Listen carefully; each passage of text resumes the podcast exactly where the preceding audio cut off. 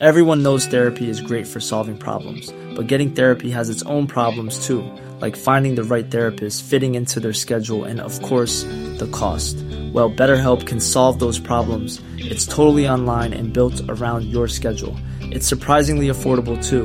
Connect with a credentialed therapist by phone, video, or online chat, all from the comfort of your home. Visit betterhelp.com to learn more and save 10% on your first month. That's BetterHelp, H E L P. Burrow's furniture is built for the way you live. From ensuring easy assembly and disassembly to honoring highly requested new colors for their award-winning seating, they always have their customers in mind. Their modular seating is made out of durable materials to last and grow with you. And with Burrow, you always get fast, free shipping. Get up to 60% off during Burrow's Memorial Day sale at burrow.com slash ACAST. That's burrow.com slash ACAST. burrow.com slash ACAST. Planning for your next trip? Elevate your travel style with Quince. Quince has all the jet setting essentials you'll want for your next getaway, like European linen, premium luggage options, buttery soft Italian leather bags, and so much more. And is all priced at 50 to 80% less than similar brands. Plus, Quince only works with factories that use safe and ethical manufacturing practices. Pack your bags with high-quality essentials you'll be wearing for vacations to come with Quince. Go to quince.com slash pack for free shipping and 365-day returns.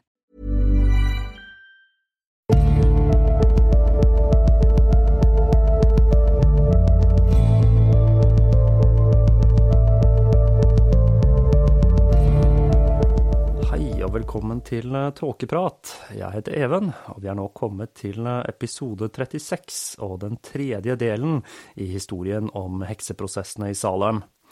Når jeg tar opp denne episoden, så er det da søndag den 6. august 2017.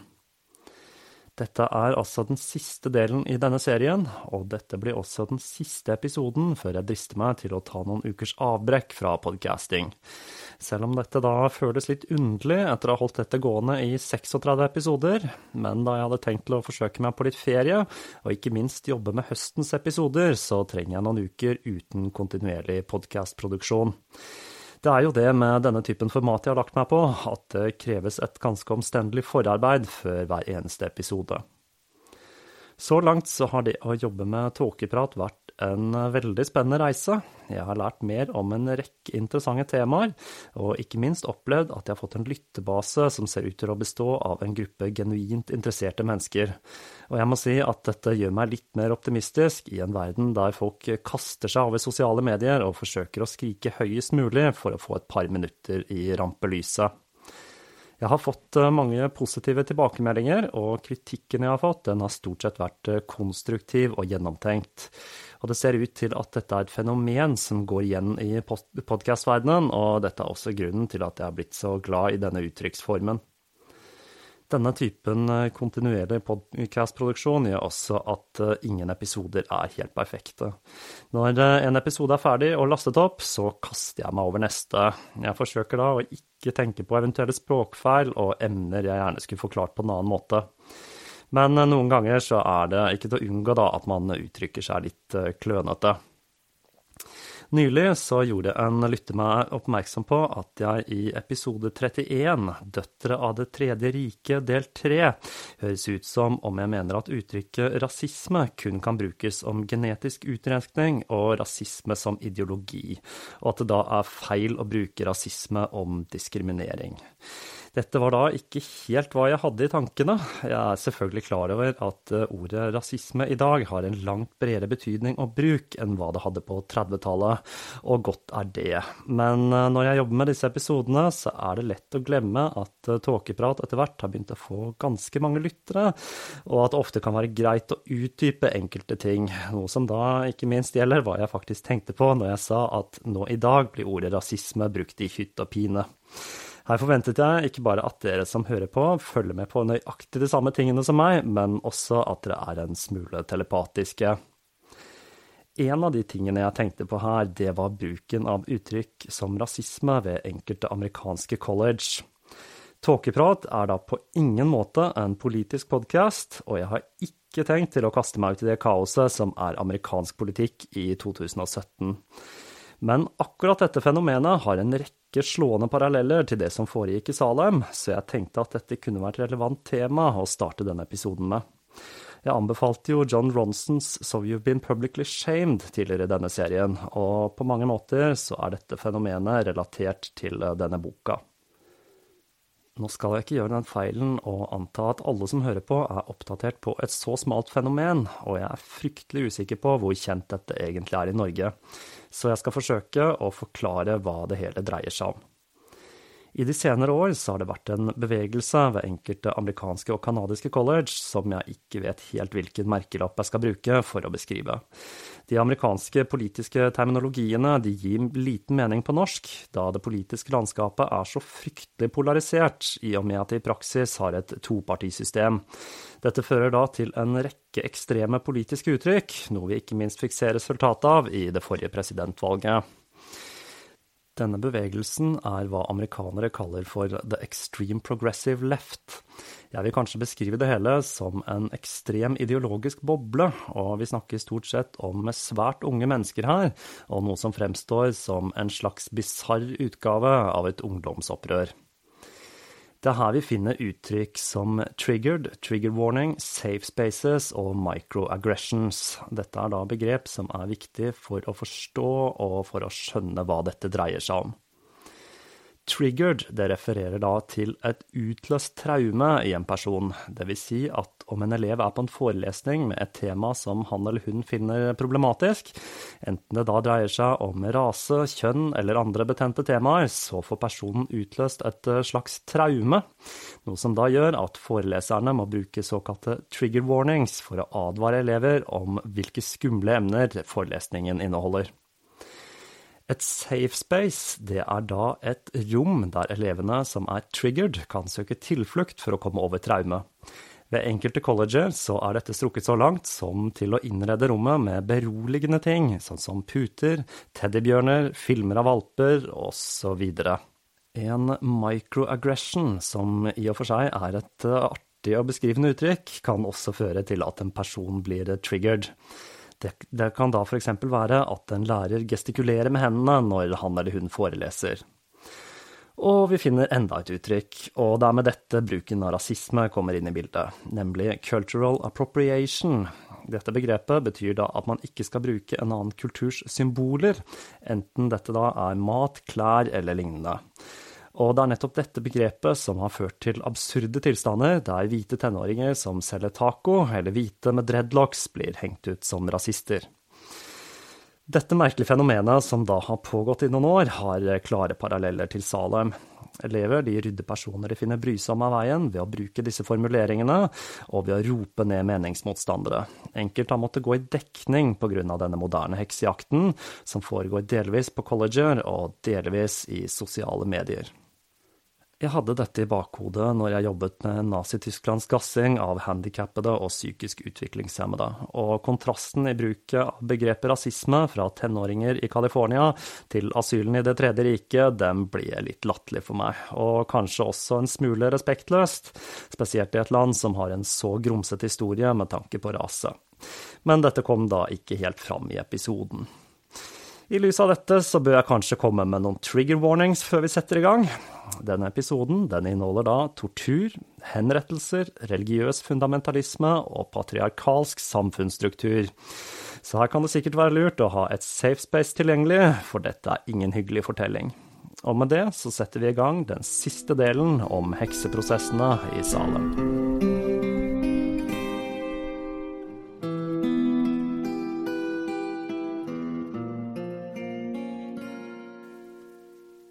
Når eh, Increase og Sir William gikk i land, så ble de møtt av en helt annen problemstilling enn hva de hadde forestilt seg.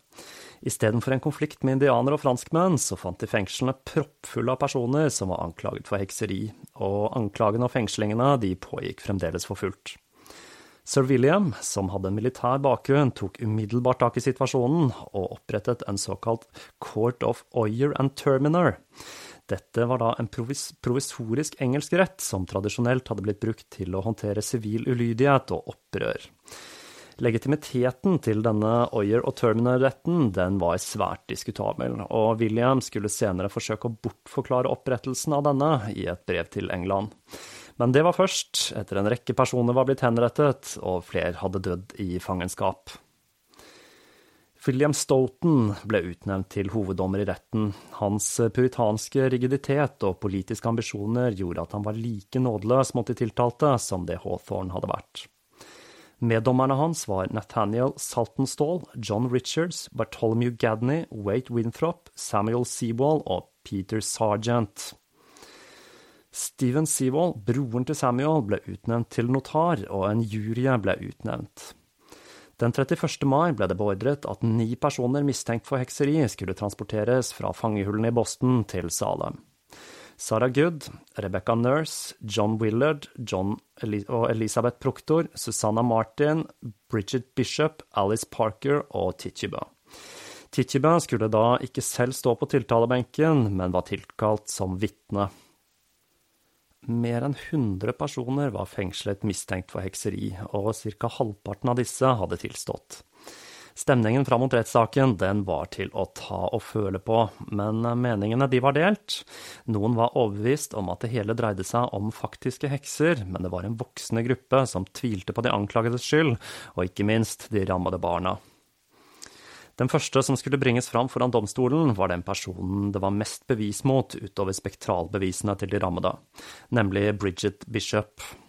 Hun hadde altså tidligere vært anklaget for hekseri, tolv år tidligere, blant annet da for å forhekse hester og for å skifte form til en katt. Men det hadde vært flere anklager mot Bridget, som da ikke dreide seg om hekseri. Hun hadde også tidligere vært tiltalt for å krangle med sin andre ektemann. Ekteskapelig krangel, det var nemlig et lovbrudd i New England. Og hun hadde blitt observert forslått, blodig i ansiktet og med blåmerker. Og ikke bare det, hun hadde slått mannen sin igjen og kalt han ting som din gamle djevel.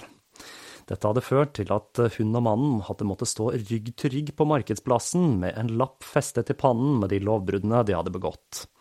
I tillegg til alt dette så hadde Shattuck-familien beskyldt Bridget for å stå bak dødsfallet til sønnen deres, og kanskje viktigst av alt, Bridget hadde ingen mektige venner.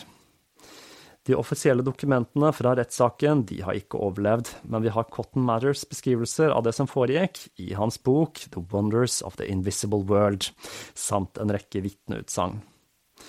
Saken mot Bridget den begynte på den vanlige måten. Jentene de fikk anfall, mimet etter bevegelsene hennes og fortalte at spekteret hennes kløp, kvelte og bet de, og forsøkte å få de til å skrive seg inn i Djevelens bok.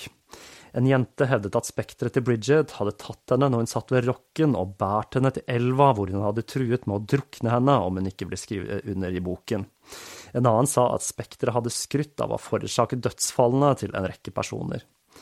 Spekteret til de hun eh, da angivelig hadde drept, var også til stede i rettssalen, kunne de fortelle. De skrek til Bridget at hun hadde myrdet de. Her finner vi et fenomen som ble brukt som bevis på at den anklagede var en heks, nemlig berøringstesten. Når Bridget rørte ved jentene som hadde anfall, så ble de mirakuløst helbredet, og dette ble da sett på som et tegn på at det var hun som sto bak anfallet. I rettssaken så ble de som vitnet i avhørene, brakt fram på ny, og bevis som revnen i frakken ble igjen lagt fram.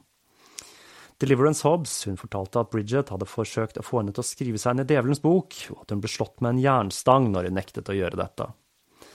Dette ble etterfulgt av vitneutsagn fra alle naboene som hadde anklaget Bridget for hekseri i årenes løp.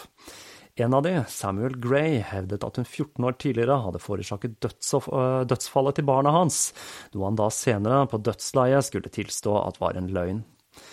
En far og sønn som hadde blitt hyrt inn av Bridget for å rive en vegg i kjelleren i et hus hun hadde bodd i, fortalte at, hadde, at de hadde funnet flere dukker med nåler i hull i veggen, noe som da ble tatt som et klart bevis på hekseri.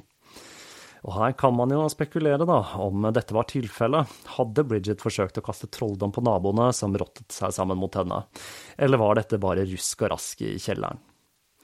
Et annet håndfast bevis som ble brukt av dommerne, det var heksens merke. Ni kvinnelige jurymedlemmer hadde undersøkt de anklagede på jakt etter merket, og de hadde funnet dette på tre av de tiltalte. Mellom vagina og anus så fant de da noe som minnet om en brystvorte. Disse ble da funnet på Bishop, Rebecca Nurse og Elisabeth Proktor. Og at disse hos Bridget og Elisabeth ikke lenger var der når det ble undersøkt for andre gang, det ble tatt da som et ytterligere bevis på at dette dreide seg om et overnaturlig fenomen. Kirurgen som var ansvarlig for undersøkelsene, hva enn det innebar å være en kirurg i New England i 1692, kunne også fortelle at Rebecca Nurses utvekst hadde blitt til en tørr hudfold. Han bemerket også følgende om Susanna Martins pupper. I morges så var de fulle og brystvortene var friske og utstående, men nå henger de slappe og slitne. Han hentyder da at hun hadde ammet hjelperen sin. Et siste vitneutsagn ble gitt mot Bridget.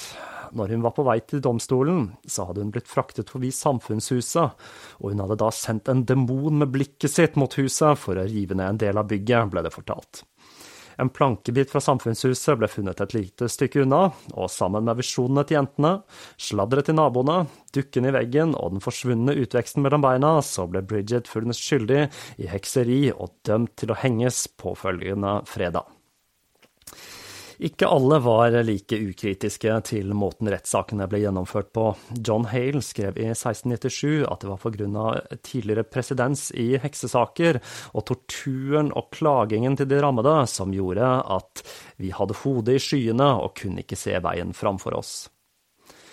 Den 10. juni ble Bridget Bishop fraktet i en kjerre fra fengselet i Salem til en steinete ås i nærheten. De dro henne av kjerra og til en eik på åsen, hvor hun ble hengt. Liket hennes det slang de i en bergsprekk i siden av åsen.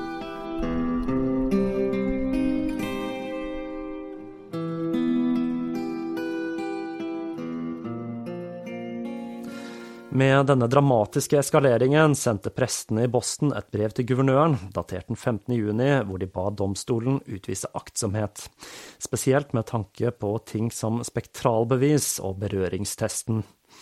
Det ble til og med argumentert med at en demon kunne ta formen til et uskyldig menneske, men samtidig så ba de også om å få fortgang i prosessen, og fortgang, det skulle de få. Og det var ingen annen måte å gjøre dette på enn å fortsette med den samme typen bevisførsel de allerede brukte. Retten ble samlet på ny den 29. juni. Sarah Good, Rebecca Nurse, Susanna Martin, Elizabeth Howe og Sarah Wiles sto på tiltalebenken. I disse rettssakene var anklagene fra de, samme, fra de rammede jentene mer sentrale enn i saken mot Bridget, og berøringstesten ble flittig brukt. 15 vitner vitnet mot Howe, og nesten like mange mot Susanna Martin, og flere, endog ikke like mange, mot de andre tre anklagede. Under rettssaken mot Sarah Good så skjedde det en ting som er verdt å merke seg. En av de rammede jentene skrek ut at hun var blitt stukket i brystet med en kniv, hvorpå hun viste fram en bit av kniven spekteret til Sara skulle ha stukket henne med. Men så skjedde noe uventet. En ung mann i forsamlingen fortalte at han dagen før hadde brukket kniven sin når den rammede jenta var i nærheten, og han viste fram skaftet med det brukne bladet, som da matchet biten jenta hadde vist fram. Igjen så skulle man jo kanskje tro at jenta ble bortvist fra rettssalen, men nei da, hun fikk lov å fortsette med anklagene etter å ha fått en formaning om at hun ikke skulle fortelle flere løgner. En av anklagerne ble faktisk midlertidig bortvist etter å ha anklaget pastor Samuel Willert, en av de fremste prestene i posten, for å være en heks. Magistratene de avfeide da det hele med at hun hadde feilidentifisert et spekter. I rettssaken mot Rebecca Nurse så Rebeccas eldste datter at Goodwife Bibber fant frem noen nåler hun hadde gjemt, stakk seg med dem og skrek ut at Rebecca Nurses spekter kløp henne. Men så skjedde noe fryktelig uventet. Juryen fant Rebecca ikke skyldig. Det var nok hennes rykte som et nærmest helgenaktig menneske og gode vesen som hadde overbevist dem om hennes uskyld i tillegg til at det var kjent at en rekke prominente personer hadde skrevet under på oppropet om hennes uskyld. Først ble det stille i rettssalen, og så gikk anklagerne amok. Tilskuere og dommere ble lamslåtte av dette forferdelige spetakkelet, som da virkelig måtte ha vært ekstraordinært når de tross alt var blitt vant med anfallene til anklagerne. Vi kan tenke oss at det var tanken på at Rebekka skulle frifinnes som drev fram dette raseriet i anklagerne, og snart begynte også skrik og rop å høres fra utsiden av bygget. I disse rettssakene ikke, fikk ikke alle de rammede lov til å være til stede, det var rett og slett blitt for mange av de. Hvor mange de var, og hvem de var, det vil vi aldri få vite, men de sto der utenfor rettslokalet og vrælte og vred seg i kramper og skrek i smerte over frifinnelsen. En av dommerne uttalte at han ikke var fornøyd med juryens avgjørelse. En annen truet med å reise en ny sak mot Rebekka. Stoughton erklærte at han ikke ville presse juryen, men han spurte de om de hadde vurdert det at Rebekka hadde kommet med en kommentar når Deliverance og Abigail Hobbs hadde blitt brakt inn for å vitne mot henne. Nemlig hvorfor har dere brakt henne hit, hun er jo en av oss. Rebekka mente nok at hun var en av de anklagede, men magistratene tok da dette som hun mente en av oss hekser. Med alt dette presset så diskuterte juryen skyldspørsmålet på ny, og denne gangen så ble de ikke enige, og et jurymedlem, Thomas Fisk, spurte Rebekka om hva hun hadde ment med det hun sa. Rebekka, som nå nok var litt satt ut av alt det som skjedde, hun klarte ikke å svare, og med det så ble hun funnet skyldig og ble dømt til hengning. Hun skrev senere en erklæring hvor hun forklarte hvorfor hun ikke hadde svart på spørsmålet. Det jeg mente, var ikke noe annet enn at de var fanger slik som oss andre, og jeg kunne ikke skjønne hvordan de kunne være kvalifiserte til å føre bevis mot oss. Og siden jeg hører dårlig og var fylt med sorg, så forsto jeg ikke hvordan ordene mine ble tolket. Og verre skulle det bli. Rebekka hun ble bannlyst fra kirken, noe som da var svært alvorlig i det puritanske teokratiet. Og hun gikk til galgen i den tro at hun kom til å tilbringe evigheten i helvete. Hun ble hengt sammen med de fire andre anklagede den 19. juli på rettestedet som da fikk kallenavnet Gallows Hill eller Witch Hill. Her i Norge så har vi også vårt eget eh, Galgeberg. Ingen nåde ble vist mot de dømte der de ble fraktet til rettestedet. De ble hånet og gjort narr av av de rammede jentene og menneskemengden som flokket seg rundt vognen, der de var lenket på vei til en grusom død. Tilropene fra menneskemengden fortsatte når kjerra måtte stoppe pga. den bratte stigningen, og de anklagede ble tvunget til å gå den siste delen av veien til Eika. Selv når de klatret eller ble båret opp stigen til Renneløkka, så fortsatte tilropene. Flere av de utviste en stoisk verdighet, og alle hevdet sin uskyld. Rebecca Nurse hun gjorde spesielt inntrykk når hun ba til Gud om et tegn som skulle bevise hennes uskyld, og ba for sjelene til de som hadde bidratt til å få henne dømt. En person som gjorde inntrykk på en helt annen måte, det var Sarah Good. Hun skjelte ut Nicholas Noyce, det var en korpulent mann som hadde forsøkt å få henne til å tilstå, og sa du er en løgner, jeg er like lite ei heks som du er en trollmann, om du tar livet mitt, vil Gud gi deg blod å drikke. Og tradisjonen sier at Nicholas han døde år senere av indre blødninger. De fikk en hette tredd over hodet før de ble dyttet av stigen, og det tok flere minutter før de døde. Her ble de ikke hengt fra et skafott slik at nakken brakk, men de hang der fra eika og vred seg i smerte og gispet etter luft mens livet ebbet ut. Når den siste anklagede var hengt, så la han alvorlig live.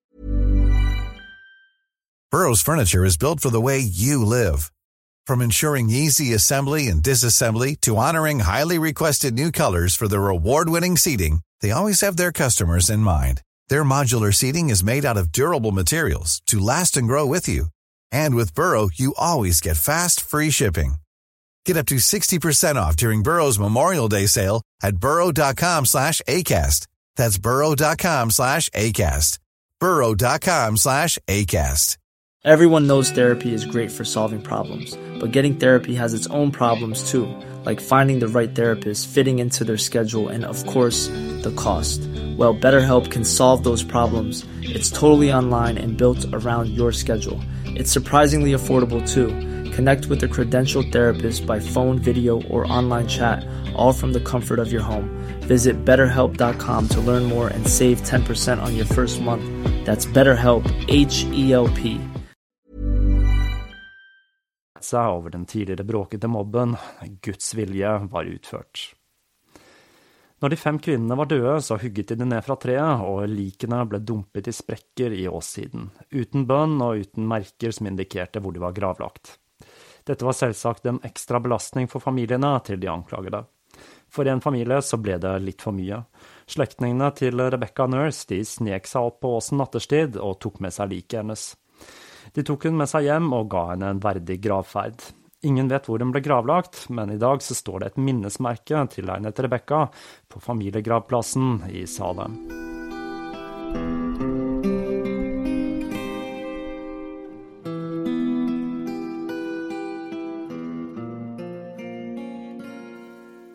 Fire dager etter henrettelsene skrev John Proctor et brev fra fengsel til den puritanske eliten.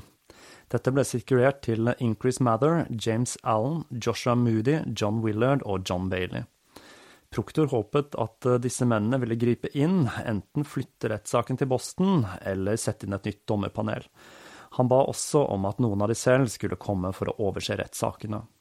Fem personer hadde nylig blitt anklaget for å være hekser, kunne han fortelle, og flere av disse hadde beskyldt oss for å være med på sakramentet.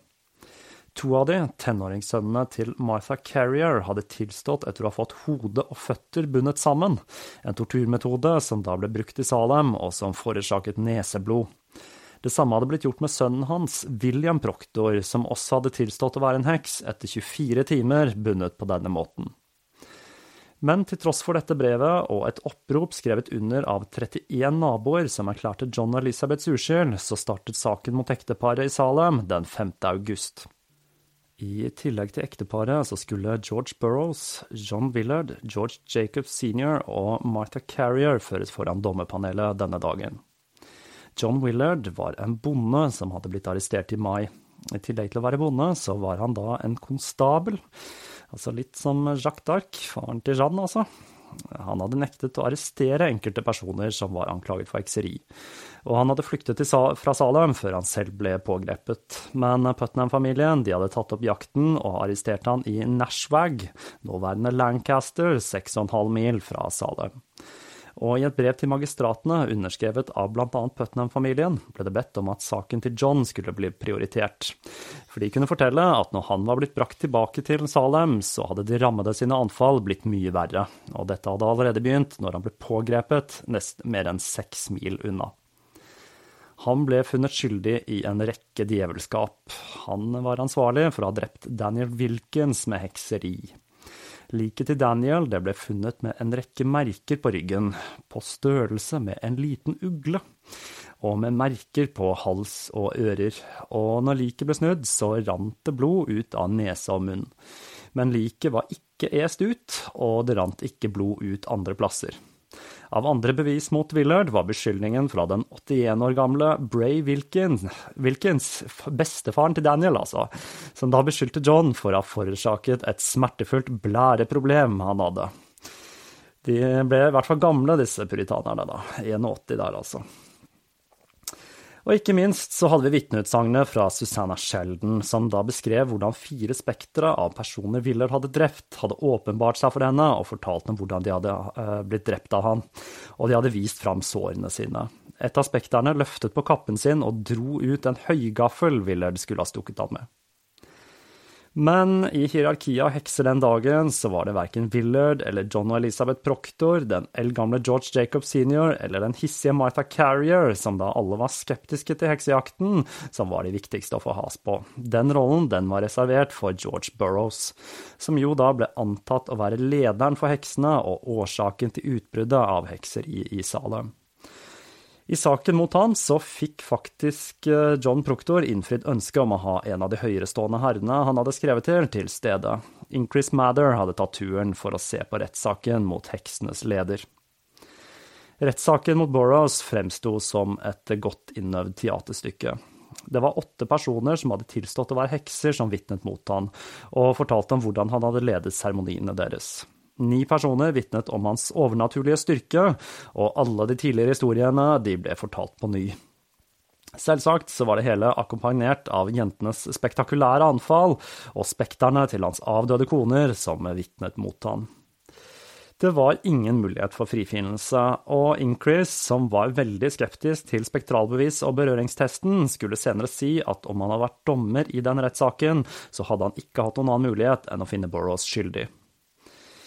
Den eneste av eh, de andre rettssakene fra den 5. august vi har en full beskrivelse av, er saken mot Martha Carrier. De originale rettsdokumentene er altså tapt, og de sakene Cotton Mather skrev om, var saker der spektralbevis var mindre viktig, antageligvis for å gi denne provisoriske Oyer- og Terminal-retten et snev av verdighet. Han valgte derfor saker som i hans øyne kunne brukes for å tilbakebevise kritikk. Saken mot Martha den var eh, ganske tvilsom, som alle de andre sakene i Salem.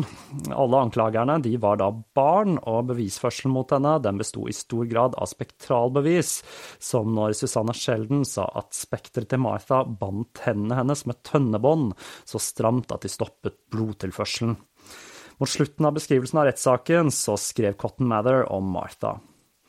Denne forferdelige kvinnen, Martha Carrier, var personen som var pekt ut av heksene og av hennes egne barn som personen djevelen hadde lovet skulle forbli dronningen av helvete. Alle ble funnet skyldige og dømt til døden, med ett unntak. Det var Elisabeth Proktor. Hun var nemlig blitt gravid. Hengningen skulle finne sted den 19. august. Like etter rettssaken så raidet sheriffen og hjelperne hans George Jacobs hus for alle verdier, inkludert gifteringen til kona hans. Hun tagg og ba om å få beholde den, og til slutt så fikk hun faktisk akkurat det. Men hun ble nødt til å kjøpe tilbake mat og klær fra sheriffen for å ha en mulighet til å overleve. Og etter hvert så måtte naboene tre støttende til for å hjelpe henne. Natten før henrettelsen dro George Jacobs barnebarn til fengselet og ba om tilgivelse fra Burrows for urettmessig å ha beskyldt ham for hekseri. George ikke bare tilga henne, men de ba sammen, og de ba for tilgivelse og sjelene til de som skulle henrettes neste dag. Når Borrow skulle henrettes, så talte han til forsamlingen, og i denne talen så sa han hele Fader vår feilfritt. Man trodde nemlig at dette var umulig for hekser og trollmenn, og Burrows var så velartikulert at det satt en støkk i menneskemengden, og ikke minst de rammede jentene, som nå skrek at de så den store, svarte mannen som hvisket ordene i øret på Burrows.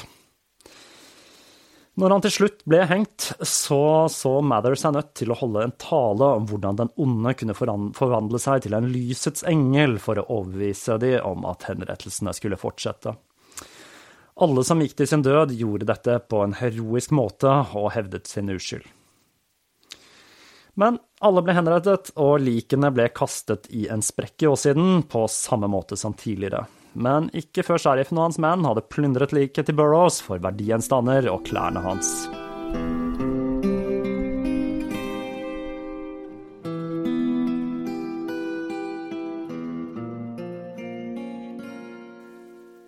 Den 9. september ble ytterligere seks personer brakt foran dommerne og dømt til døden, blant annet Martha Corey. To av disse skulle unnslippe galgen, men de andre, Ann Pudator, Alice Parker og Mary Easty, måtte bøte med livet. Før disse skulle henges den 22. september, ble ytterligere ni hekser dømt. Fire av disse skulle henge sammen med Martha og de andre. De som unnslapp, gjorde dette enten ved å tilstå eller på grunn av graviditet. Altså så ser vi igjen at de som tilsto, slapp unna, kun de som hevdet sin uskyld, havnet i galgen. Like etter den andre runden med rettssaker så dukker det opp en hendelse vi ikke kommer utenom i historien om hekseprosessene i Salem. Giles Corey, som da tidligere hadde vitnet mot sin kone Martha, var nå selv anklaget for hekseri, og han nektet å la seg avhøre. Alle som var blitt brakt framfor dommerne i Oyer og Terminal-retten, hadde blitt funnet skyldige, påpekte han, og han nektet plent å uttale seg da han mente at han ville bli funnet skyldig, uskyldig eller ikke. Og da valgte magistratene å bruke en god, gammel engelsk metode for bokstavelig talt å presse ut en tilståelse av den anklagede. Giles han ble dratt ut på et jorde i nærheten, hvor det ble stablet store steiner på brystet hans for å forsøke å tvinge fram en tilståelse. Det tok mange timer for Guys Corey å dø, mens ribbeina brakk og de indre organene sakte, men sikkert ble knust. Tradisjonen sier at det eneste han sa før han døde, var 'mer vekt, mer vekt', og det er til og med skrevet en ballade om denne hendelsen. Denne typen straff hadde aldri tidligere blitt brukt i New England, og sammen med de massive henrettelsene den 22. september, så begynte tvilen å gripe befolkningen i Massachusetts. Den 8. oktober skrev den Harvard-utdannede matematikeren og astronomen Thomas Brattle et brev der han sablet ned metodene som ble brukt i Salem, fra spektralbevis til berøringstest og heksens merke. Han ramset opp en rekke betydningsfulle personer i New England som da uttrykte sin avsky for hekseforfølgelsene, og bemerket at en rekke av de som var anklaget for hekseri, var kjent for å være sprø. Dette omstendelige brevet ble skrevet da det skulle bli holdt et rettsmøte i Salem den 12. oktober for å diskutere hekseprosessene, og Brattle han sirkulerte dette blant dommerne, og etter rettsmøtet skrev sir William et brev til London hvor han da forteller at han hadde lagt ned et forbud mot flere fengslinger av hekseri. Og den 29. oktober så ble Oyer og Terminer-retten oppløst. Nå var virkelig luften i ferd med å gå ut av ballongen, men det var enkelte som ble fengslet også i oktober. De rammede jentene de var sendt på en slags turné rundt i New England for å identifisere hekser.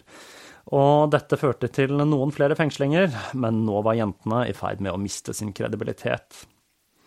På et hekseidentifiseringsoppdrag i Ipswich så skulle de få legge merke til dette. På Ipswich bro så gikk en gammel kone forbi jentene. De ramlet over ende på bakken og skrek at hun var ei heks. Men tilskuerne de kastet seg ikke over den gamle kona, de overså jentene og lot som ingenting mens de fortsatte med ærendene sine.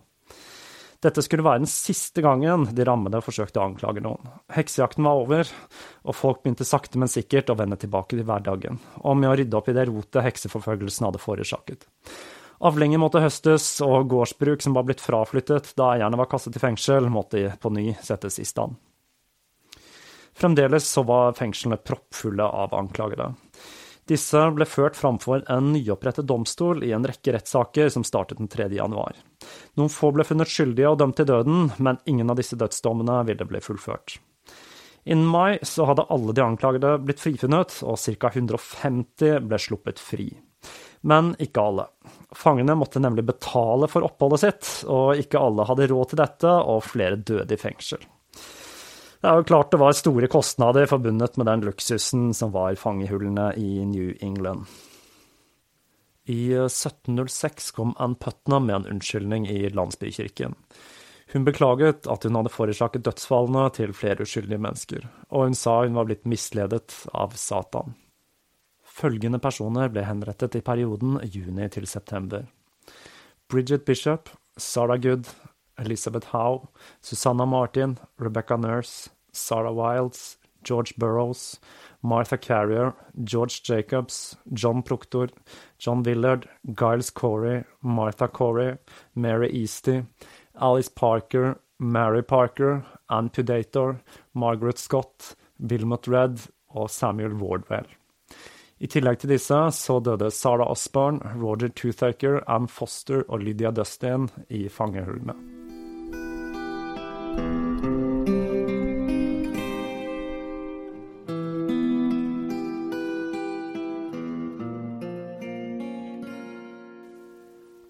Da er tiden inne for å spekulere litt i hva som lå bak hekseprosessene i Salem. En av de mest populære teoriene er at det hele ble utløst av en kornhøst som inneholdt meldrøye, eller ergot. Meldrøye er da en snyltesopp som vokser på en rekke gressarter og korn, og det er blitt spekulert i om eh, denne soppen kan ha forårsaket en del tilfeller av hekseri og demonbesettelse i middelalderen.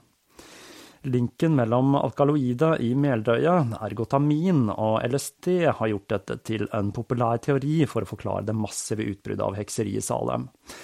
Men det er bare det, da, at som med så mye annet, så er det ikke så enkelt som at meldøye virker som LSD. Koblingen mellom de to det stammer fra oppdagelsen av LSD som ble gjort av den sveitsiske vitenskapsmannen Albert Hoffmann i 1938. Han eksperimenterte med varianter av ergotamin, og nå er ikke jeg akkurat noen ekspert på organisk kjemi, men det han holdt på med kan vel forklares med at han endret molekylstrukturen og skapte nye molekyler basert på det opprinnelige alkaloidet. Et av disse molekylene var altså LSD-25, hvis eh, psykoaktive egenskaper ble oppdaget ved en tilfeldighet. Og den historien, den er verdig en egen podkast-episode. Men det er altså her denne dissonansen oppstår. Ergotamin og LSD har vidt forskjellige egenskaper. Ergot forårsaker en tilstand som heter ergotisme. Dette er en tilstand som utløser forstyrrelser i sentralnervesystemet og framkaller ting som kramper, diaré og oppkast, i tillegg til hallusinasjoner og andre psykoselignende tilstander. Og som om ikke det var nok, så forårsaker ergotisme koldbrann og til slutt koma og død. Det finnes eksempler der utbrudd av meldøye førte til massedød. Jo mer jeg leser om hva som foregikk i Salem, jo mer tviler jeg på at det var Ergot som utløste det hele. For eh, hvordan skulle dette forklare at det var så få som ble rammet? Man skulle tro at hele husholdningene til de rammede jentene spiste av det Ergot-infiserte kornet og ble rammet. Dessuten så pågikk dette i et år, og ett år med inntaket er Ergot ville ført til at de rammede døde av forgiftning. Men de rammede jentene de overlevde det hele, og levde tilsynelatende normale liv etter hekseprosessene. I tillegg til det så var det personer som ble rammet over ganske store geografiske avstander, og som da selvsagt spiste av ulike kornavlinger, noe som gjør det hele enda mer tvilsomt. Selv om Ergot kan ha spilt en rolle i Salem, så må vi nok se etter andre plausible forklaringer for å finne svaret på hva som forårsaket det hele. Selv om det da selvsagt er veldig fristende å se for seg en puritansk koloni som tripper på LSD og tror det hele skyldes trolldom. For meg så ser det ut til at det hele ble utløst av en serie genuine anfall i de rammede jentene, men eh, kanskje med så lite som én eller to av de. Hva dette skyldtes, det er umulig å si, men jeg vil tro at livet i de puritanske koloniene, da spesielt for unge jenter, må ha vært ekstremt hardt. Og det er vel ikke helt utenkelig at dette rett og slett kan ha ført til en form for psykisk sammenbrudd. Kanskje noen av disse jentene også var disponert for f.eks. epilepsi eller andre psykiske lidelser, og at det var dette som førte til den første rekken med anfall. Men når hekseprosessene skrider frem, så blir det mer og mer tydelig at dette dreier seg om noe helt, helt annet. For de rammede jentene i denne fortellingen så må den oppmerksomheten, og ikke minst den makten de fikk ved å kunne anklage personer for hekseri, ha vært berusende. Alt de hadde å se fram til, var en tilværelse som hustru og mor i en hverdag som kun bød på blodslit, med et vagt håp om en bedre tilværelse i livet etter døden. Dette var derimot eh, håndfast og spennende, og det kan eh, også tenkes at eh, begreper som massesuggesjon eller massehysteri kan brukes for å beskrive det som skjedde i Salem. I tillegg til dette så var det da en rekke personer som så sitt snitt til å bruke hekseprosessene for å kvitte seg med gamle rivaler, og ikke minst tilegne seg verdier fra de som var anklaget. Og dette var nok også med på å holde hekseprosessene i gang, og ikke minst gi de rammede jentene legitimitet. Det vi ser, det er et mønster som gjentar seg igjen og igjen, i en prosess som da dessverre er like utbredt i dag som noen gang tidligere i historien. Mennesker har lett for å falle for sine egne bias og kaste seg over potensielle syndebukker, enkelte ganger kun med den motivasjon at det er bedre å være en av mobben enn selv å bli anklaget. Som vi så i Salem, så var det de som var kritiske til prosessene, og de som hardnaktet hevdet sin uskyld, som til slutt endte opp i galgen. Og så var det det siste spørsmålet, da. Var det noen hekser i Salem? Dette er kanskje et litt flåsete spørsmål, men jeg undres. Ikke minst da jeg har den vesteuropeiske heksekulten friskt i minne. Det er tre personer i denne fortellingen som skiller seg litt ut i det henseende. Den første er også den første som blir anklaget, nemlig Titjiba, og det er ikke den fantastiske tilståelsen hun kom med som får meg til å undres, men det at hun sa at den forrige eieren hennes var ei heks, og at hun hadde lært å lage denne heksekaken fra denne eieren. Dette med magiske bakverk det er jo et kjent fenomen blant lyttere av tåkeprat. Jeg tenker også at uh, kanskje hennes opprinnelige religion hadde et mer avslappet forhold til trolldom. Det er umulig å si, men det er vel ikke helt utenkelig at Tittiba faktisk hadde lært seg et par triks som ville ha klassifisert henne som heks i denne perioden. Den andre er den første som ble henrettet, nemlig Bridget Bishop. I saken mot henne så kommer det fram at det ble funnet en rekke dukker med nåler i kjelleren hennes. Dette kan jo ha vært ren løgn, men jeg undres også litt om Bridget kanskje ikke hadde forsøkt å kaste en forbannelse på naboene som til stadighet kom med beskyldninger mot henne. Jeg forestiller meg Bridget som en svært viljesterk kvinne, og det kan være dette som gjorde at hun hadde problemer med å underkaste seg det puritanske patriarkiet, og som kanskje også gjorde at hun forsøkte å hevne seg på de som skapte problemer for henne. Og til sist, min personlige favoritt i denne fortellingen, det er Abigail Hobbs, som mer eller mindre selv tilstår at hun er ei heks før hekseprosessene starter. Det var altså hun som gikk alene i skogen natterstid og sa hun ikke var redd fordi hun hadde gitt seg med kropp og sjel til fanden. Abigail er et mysterium i denne fortellingen, og jeg undres virkelig på om denne Abigail fortalte sannheten, i hvert fall slik hun så den selv, og så på seg selv som ei heks og praktiserte heksekunst. Og da er det på tide å avslutte. Jeg tar altså noen uker ferie og kommer tilbake med nye episoder en gang i september. Jeg har ikke fastsatt noen dato for når jeg starter opp igjen, men følg med når høstmørket legger seg for en ny runde med tåkeprat. Så da gjenstår det bare å ønske en fortsatt god sommer og på gjenhør i september.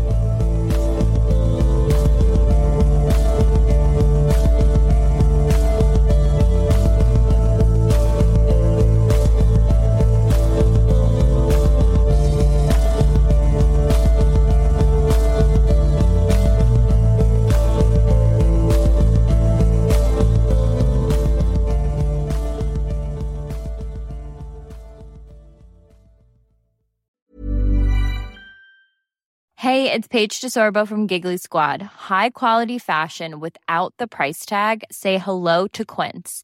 I'm snagging high-end essentials like cozy cashmere sweaters, sleek leather jackets, fine jewelry, and so much more. With Quince being 50 to 80% less than similar brands.